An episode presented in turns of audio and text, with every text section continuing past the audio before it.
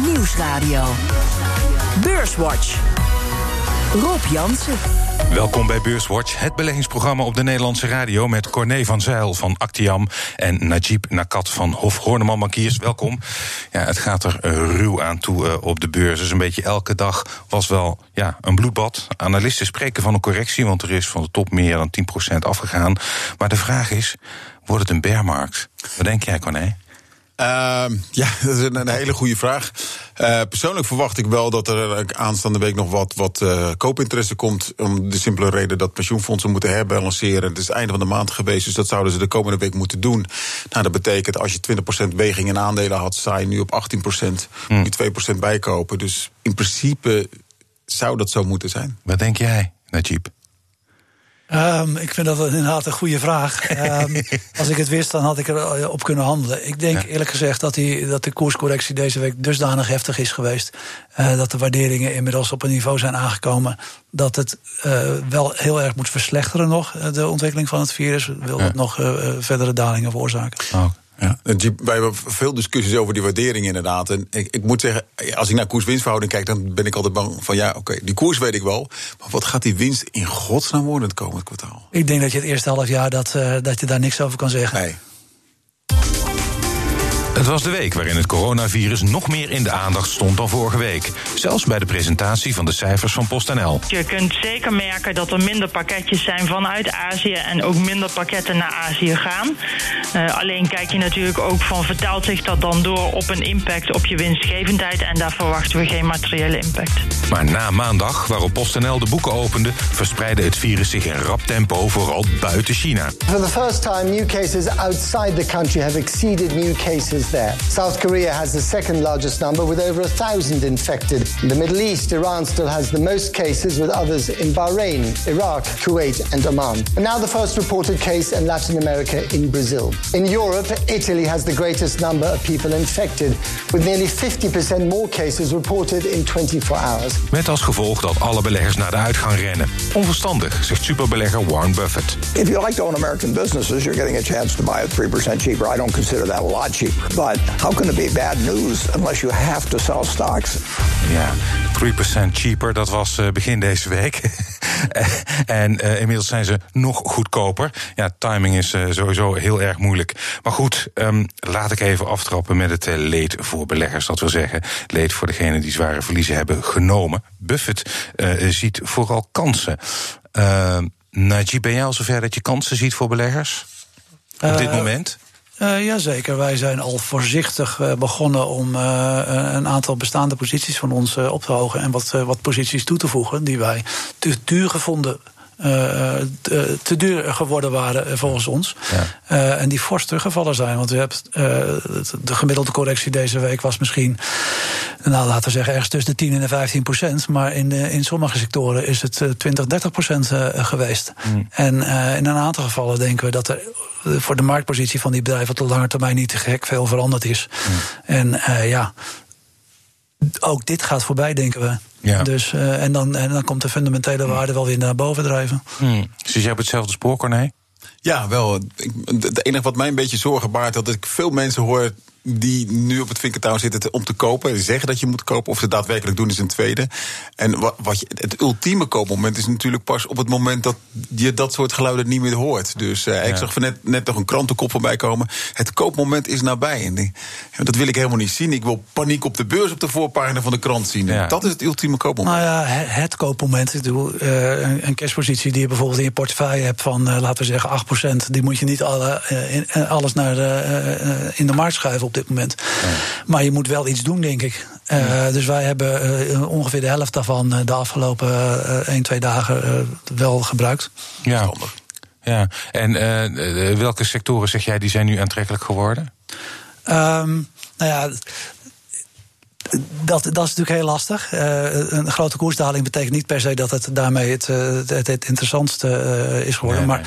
Maar uh, een aantal sectoren die het hardst geraakt zijn, en zijn natuurlijk de cruisemaatschappijen, vliegtuigmaatschappijen. Mm. En daar zitten natuurlijk heel goed gecapitaliseerde bedrijven tussen. Die over een jaar nog steeds rondvliegen, rondvaren. En die nu op waarderingen staan die we de afgelopen jaren gewoon niet gezien hebben. Ja. Ik moet zeggen, bij die cruisemaatschappij ben ik wel een beetje bang dat de vraag voorlopig niet meer terug zou komen. Dat vliegen, dat geloof ik wel. Maar om nou, ik denk dat een hoop mensen nog wel eens dubbel gaan nadenken van ja op zo vastzitten op zo'n schip, dat heeft ook zijn nadelen. Dus ik denk dat er allemaal een permanente vraag uit Nee, dus ik zeg ook niet dat dat, dat per se dan de beste kans is. Uh, je kan het ook dichter bij huis houden. En uh, uh, bijvoorbeeld kijken naar koninklijke olie, waar de afgelopen zes weken 30% van afgegaan is. Ja. ja. Dat zijn toch wel bewegingen die, die zeer, zeer zeldzaam zijn. En dividendrendement ligt nu rond de 8% volgens mij. 8,5 ongeveer. 8,5. Nou ja, ik, uh, ik heb inmiddels ook. Uh, ABN heeft natuurlijk uh, zijn uitdagingen, maar dat zit inmiddels op 10%. het is dus ja. ja. Ja, het is een beetje eufemistisch misschien. Ik zeg niet dat dat de beste bedrijven zijn, maar er is wel genoeg om naar te kijken op dit moment. Ja. Mm. Ja, ook, een, ook een bedrijf als Unibail. Ja. ja, de komende 16 maanden krijg je ongeveer 22 euro aan dividend uitgekeerd op een koers van 105. Ja, ja dat, is, dat is ook iets om over na te denken. Ja, ja, ja, ja. De Buffett, om hem nog maar even aan te halen. Koop als het bloed door de uh, straten uh, vloeit. Nou, dat is nu wel aan de gang, uh, Corné. Ja, we, hebben nu, we zitten er nu middenin. Ja, het is nog niet eerder voorgekomen dat de, de, correctie vanaf het hoogtepunt zo snel is gekomen. Meestal gaat er enige tijd overheen. Niet een week. En nu is het in een week tijd gebeurd. En dat maakt het wel erg uniek. Hè. een week geleden stond de SP 500 nog een, op een all-time high op 3400. Ja. en nu op 2900. Ja, uh, 2008 Revisited. Ja, ik, ik, kan, ik kan me die week nog herinneren, die eerste week uh, oktober 2008. Ja. Maar dat was overigens een iets andere orde. Ja. Dat was min 25 toen. Ja. En achteraf gezien was dat ook dat een goed moment om te kopen. Ja, maar had je nog wel een halfjaartje geduld voor nodig. En dat was een heel pijnlijk half jaar. Want... Je ging nog 20% verder omlaag. Ja. Maar ook Buffett. Ja, Buffett die heeft natuurlijk in zijn, in zijn uh, shareholder letter van het afgelopen jaar nogmaals benadrukt dat beleggen voor de lange termijn is. Ja. Men, en maar nog belangrijker voor mensen die het geld niet nodig hebben geen geleend geld. En het allerbelangrijkste is die hun emoties in bedwang kunnen houden. Ja. Want dat heb je echt gewoon nodig in deze weken. En ze komen altijd uit het niks. Ja. ja. als je deze week bang bent geworden voor de dalende koersen, dan moet je afvragen of je wel geschikt bent voor om te beleggen. Ja. Um, ja, als we even kijken naar uh, de economie. Hè. In, in, in China lijkt het virus in kracht af te nemen. Daarbuiten gaat het juist weer heel hard met stijgt het aantal besmettingen. Uh, Corné, als je voor zover je met de kennis die je tot nu toe hebt, wat verwacht jij voor economische gevolgen? Uh, ja, eh, als je me vorige week had gevraagd, had ik gezegd: Nou ja, dat zien zal wel een beetje weg hebben. En dan uh, is dat een tijdelijk effect. En dan zullen we wat, wat ja, keteneffecten hebben. De auto's kunnen niet geleverd worden, want het stuur kwam uit China bijvoorbeeld. Hm. Maar dat is natuurlijk afgelopen week heel erg veranderd. Je hebt Zuid-Korea, Iran en Italië gehad, die alle drie bronnen zijn geworden. Nou, Iran doet niet zoveel te zaken.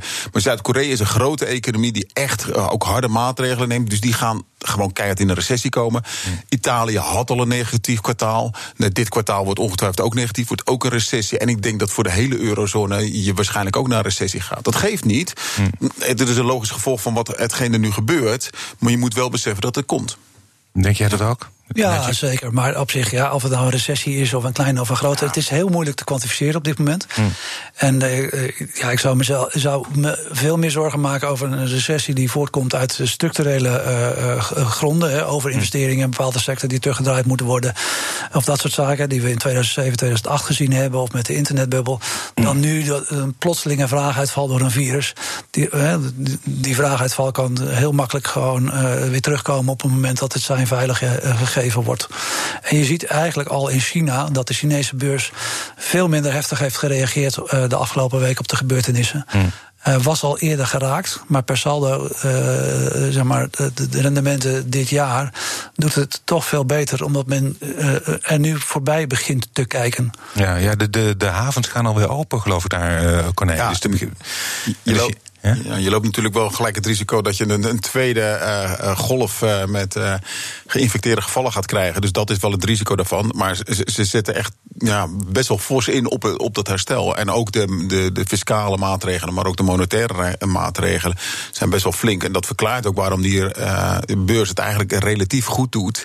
Ja. Of, of, veel minder slecht inderdaad. Ja. Maar ik moet zeggen, ik, ik vind hem wel ik vind er heel veel optimisme in geprijsd ten opzichte van de rest van de wereld. Dus ja. Ik zou er een beetje voorzichtig mee zijn. Ja. Maar goed, uh, voor de uitzending had ik het met jou even over een beruchte uh, paniekmeter, de VIX-index. Die geeft uh, de paniek aan, zeg maar, in de, van de SP 500-index. Um, en toen zei je, boven de 30, als die boven de 30 staat, moet je kopen. Nou ja, Ja, nee, standaardmaatregel boven de 30 kopen, dan doe je het als je dan een maand of drie vooruit kijkt. Ja doe je het eh, niet altijd goed, maar heb je een enorme mooie hitratio met, met rendementen van 10% die je als gemiddelde kan halen. Is even uit mijn hoofd gezegd. Ja, uh, of het dit keer ook weer gaat, dat weet ik niet. Het, het uh, de, de hitratio is hoog, maar niet perfect. Ja. Dus uh, ja, als je dat als standaardregel aanhoudt en het dan ook doet, maak je hele mooie rendementen. Ja, ja ik kan tussentijds ook 40, 50 en in 2008 hebben we zelfs ook 80 gezien. Ja. Maar ik ben het met je eens. Het, op de, beleggen doe je voor de lange termijn. En op dit soort momenten heb je, heb je best wel houvast aan dat, dat soort indicatoren. En dan moet je ook met jezelf afspreken dat je het gewoon doet. Ja. Ja, dat, is, dat, is, nog het moeilijkste meestal, ja. nou ja, dat is. Uh, uh, wij. Uh, normale mensen hebben natuurlijk. Wij, wij hebben emoties, gelukkig. maar die spelen je vaak parten bij beleggen.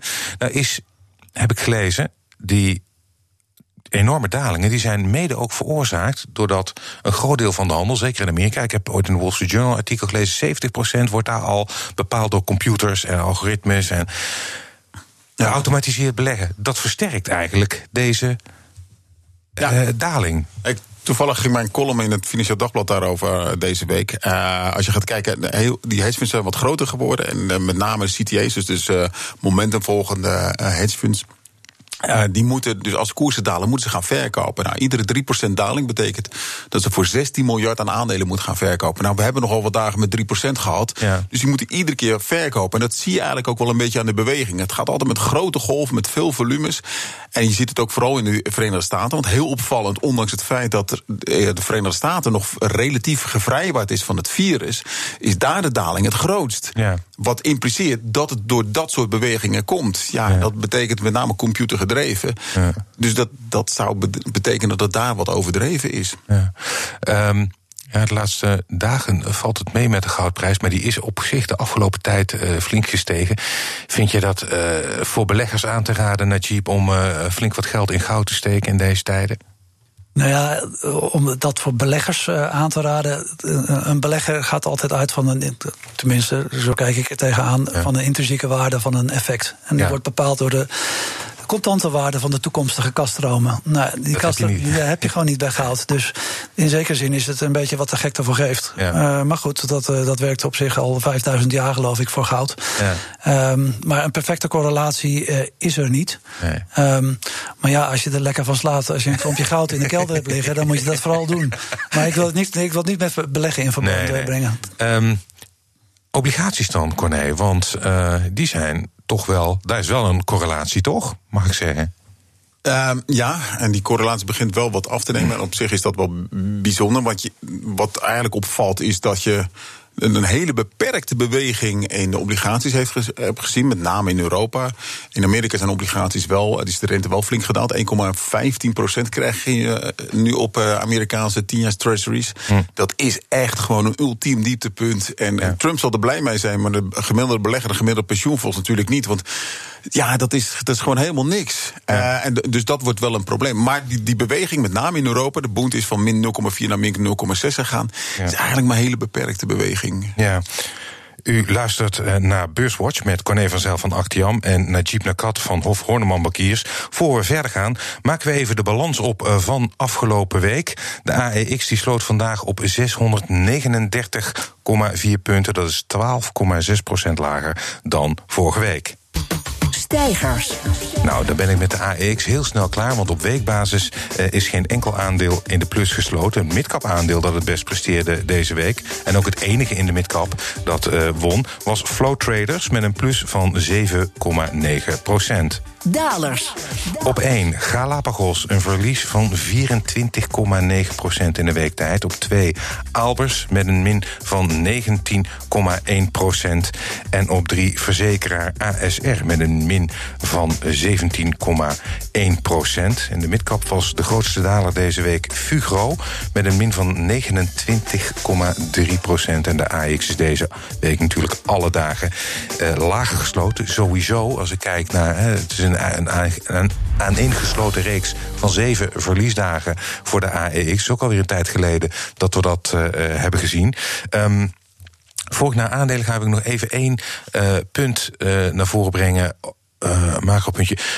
centrale banken. Verwacht jij, Najib, dat die nog uh, extra maatregelen gaan nemen nu uh, dit toch wel een pandemie dreigt te worden? Um, ik denk dat ze wel klaarstaan om, uh, om te helpen. Maar ik denk dat we, nogmaals, en dat hebben we eerder in het programma ook wel eens over gesproken, dat, dat er vanuit de overheden met fiscale maatregelen meer te behalen valt in, in, in deze fase. Ja. Dus de Europese Centrale Bank, in ieder geval qua renteniveaus, zijn ze redelijk uitgespeeld. Ja. Want als ze nog verder omlaag gaan, dan gaan mensen echt cash thuis aanhouden. Want dan moeten de banken het echt alles gaan doorrekenen. Um, maar de, het opkoopprogramma, uh, en je ziet het in Amerika ook, uh, het verschaffen van liquiditeit aan de markt, dat zullen ze wel, uh, dat zullen ze wel opschroeven in deze markt. Mm. Ja, het is wel opvallend als je gaat kijken naar de Fed. Er was een maand geleden was er nog een, een halve renteverlaging ingeprijsd voor de komende twaalf maanden.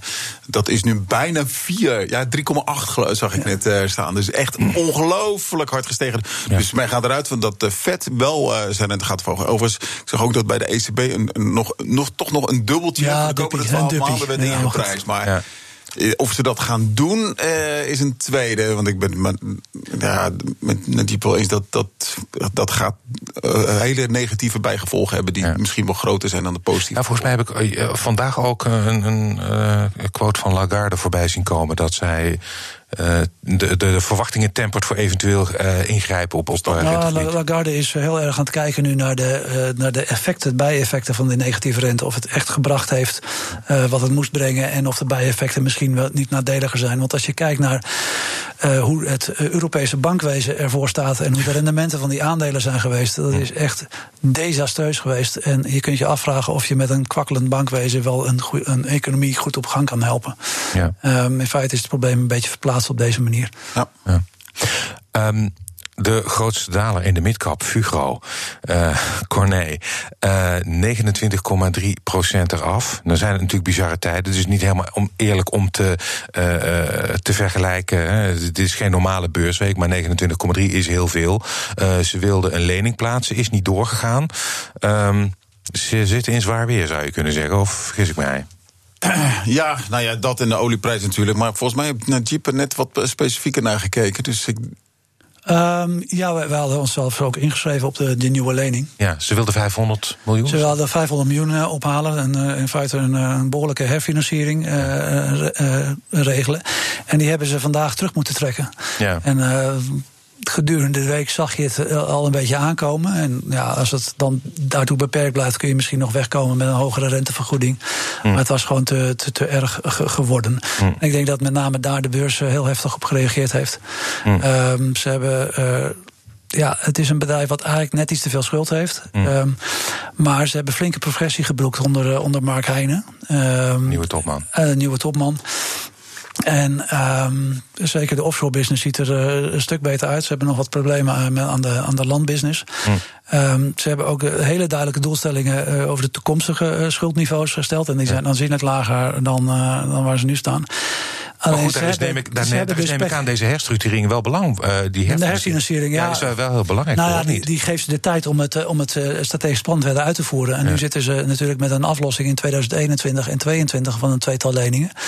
En uh, dan, ja, dan zie je toch dat de markt in dit soort fases een beetje de, de, de nare gewoonte heeft om de, de slechtste scenario's in te gaan prijzen. Zeker in een kwetsbare sector waar zij in zitten. Hm. Um, eerlijk gezegd denk ik als dit overwaait, en laten we het hopen voor Vugro, want uh, ze verdienen het wel, wat ja. mij betreft. Ja, ja.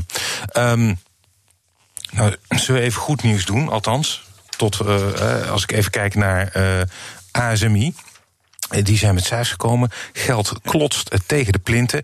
Uh, bleek uit de kwartaalcijfers, ASMI, ASMI moet ik zeggen. Die uh, maakt uh, machines voor de chipindustrie. Corné, heb je die cijfers bekeken? Ja, ja, ja, plus 57% omzetstijging in het vierde kwartaal. Dat, dat, is, dat is gigantisch natuurlijk. Het is wel, als je gaat kijken. Uh, uh, een beetje beter dan verwacht. Uh, dus in dat opzicht zag je ook niet dat de koers echt te positief op reageerde. En natuurlijk, ja, je hebt zo'n briljant rendement gemaakt. Een jaar geleden stond die koers 45. Een paar weken geleden stond hij op het hoogtepunt 125. Dus wat dat betreft, uh, ik kan me voorstellen dat veel beleggers geneigd zijn om te zeggen van nou ja, pik in, het is winter. Ja. Als je dit soort rendementen kan inlokken. Ja. Um, overigens, die, die hele stijging in de chipsindustrie heeft mij wel enigszins verbaasd. Omdat je toch wel vrij zwakke En normaal gesproken is chips daar juist een afgeleide van. En dat heeft de sector nu bewezen dat het juist niet zo is. Er heel veel vooruitlopen op het 5G-verhaal. En uh, daar hebben ze dus wel heel duidelijk van, uh, van geprofiteerd. Uh, het gaat uitstekend. Ze hebben cash zat. opnieuw aandeleninkomen natuurlijk van 100 miljoen. Ja. Dus wat dat betreft uh, ziet het er prachtig uit. Ja. En ze zijn ook erg enthousiast voor het komend jaar. Maar ik moet wel zeggen, ik ben wel bang dat, dat al het goede nieuws wel zo'n beetje in de prijs zit. Ja, want uh, corona, daar zullen zij natuurlijk ja, ook mee. Als de economie slechter gaat draaien, ja, ja, nogmaals, dit bedrijf of de sector is daar een afgeleide van. Dan gaan ze het ook zeker merken. En besef wel, Zuid-Korea is een van de belangrijkste landen uh, in, de, in deze sector. En dat is nou net het land wat nou net geraakt is door het coronavirus. Dus het is niet zozeer dat de vraag echt afneemt, maar wel dat de productiemogelijkheden afnemen. Ja. Nog even heel kort. Uh, AB InBev, grootste brouwer uh, ter wereld. Helaas ook uh, brouwer van een merk corona. Zij noemde het virus in een persbericht dan ook bij de officiële naam COVID-19. um, het ging over de cijfers van het afgelopen kwartaal natuurlijk. Maar ze hebben gezegd dat dit kwartaal het virus al 170 miljoen dollar gaat kosten. Um, en ze zijn volgens mij heel groot in Azië.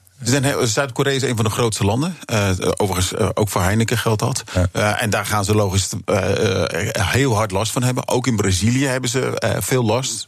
daarmee in algemene omstandigheden. Daar is de concurrentie heel erg hard bezig. Ja. Onder andere ook weer Heineken. Ja. En natuurlijk, ja, op het moment dat je een coronavirus heerst, ga je niet een coronabiertje drinken. Dus zij hebben ook heel specifiek last van uh, het coronavirus, omdat mensen dat biertje gewoon laten staan. Ja. En ja, bovendien de, de, de standaard uh, problemen bij AB InBev, te veel schulden en dat soort zaken. Dus ja. het is een combinatie van heel veel factoren. Uh, heel kort, maar vraag ik altijd uh, in zo'n geval... als je moet kiezen tussen het aandeel Heineken of het aandeel AB InBev? Of is het dan lastiger? Uh, zou ik... AB InBev is zo hard naar beneden gegaan... en Heineken heeft het juist relatief goed gedaan. Ja. En ik denk dat Heineken ook last gaat krijgen van Zuid-Korea, uh, dat daar dat, dat ja. een brandhaard is geworden. Ja. Dus zou ik in dit geval misschien wel voor AB InBev kiezen. Oké, okay. um, we zijn alweer bijna aan het einde van de uitzending. Dat betekent dat uh, de tip voor de luisteraar uh, gegeven kan worden in deze moeilijke tijden. Najib, wat adviseer jij de belegger? Um, wij hebben deze week uh, in onze portefeuille de, de, positie in Nationale Nederlanden opgehoogd. NN Group. Cijfers waren uitstekend. Er is zelfs een activist aan de horizon uh, verschenen die het uh, zelfs niet goed genoeg vindt. Uh, maar wat wij zien is een bedrijf wat een uitstekende cashflow kent. 7% daarvan als dividend uitkeert op de huidige koers. En ook nog eens aandelen inkoopt. dus ja, waarom zou je het verder van huis zoeken? Oké. NN Group. Corné, jouw tip? Ja, je ziet dat de olieaandelen het hardst geraakt zijn. Um, um, en ik denk dat die reactie wat overdreven is. Logisch, want de olieprijs is heel hard naar beneden gegaan. Maar als je nou een jaar verder gaat kijken en er ervan uitgaande dat de economie gaat normaliseren, dan zal de vraag naar olie ook weer normaliseren. Dan zal de prijs een stuk hoger staan. En bovendien is, zijn die, die aandelenkoersen te hard gedaald ten opzichte van de huidige olieprijs. Hm. Dus, uh, en ja, mocht het allemaal niet uitkomen, dan krijg je nog, nou ja, we noemden net al het voorbeeld Shell. Hm. Uh, daar krijg je 8,8% aan dividend. Dus het, het is het, ook als het niet uitkomt, is het wachten ja, de moeite waard. Dus je tip is aan de olieaandelen in het algemeen? Olieaandelen in het algemeen. Oké. Okay. En en Group. Dit uh, hartelijk dank. Corné van Zijl van Actiam en uh, Najib Nakat van Hof Horneman Bankiers. Dit was BNR Beurswatch. Als u wilt reageren, dan kunt u een mail sturen naar beurswatch.bnr.nl of tweeten naar Rob Beurs. Terugluisteren, dat kan via de site, de BNR-app, de Apple Podcast-app of Spotify. En graag tot volgende week.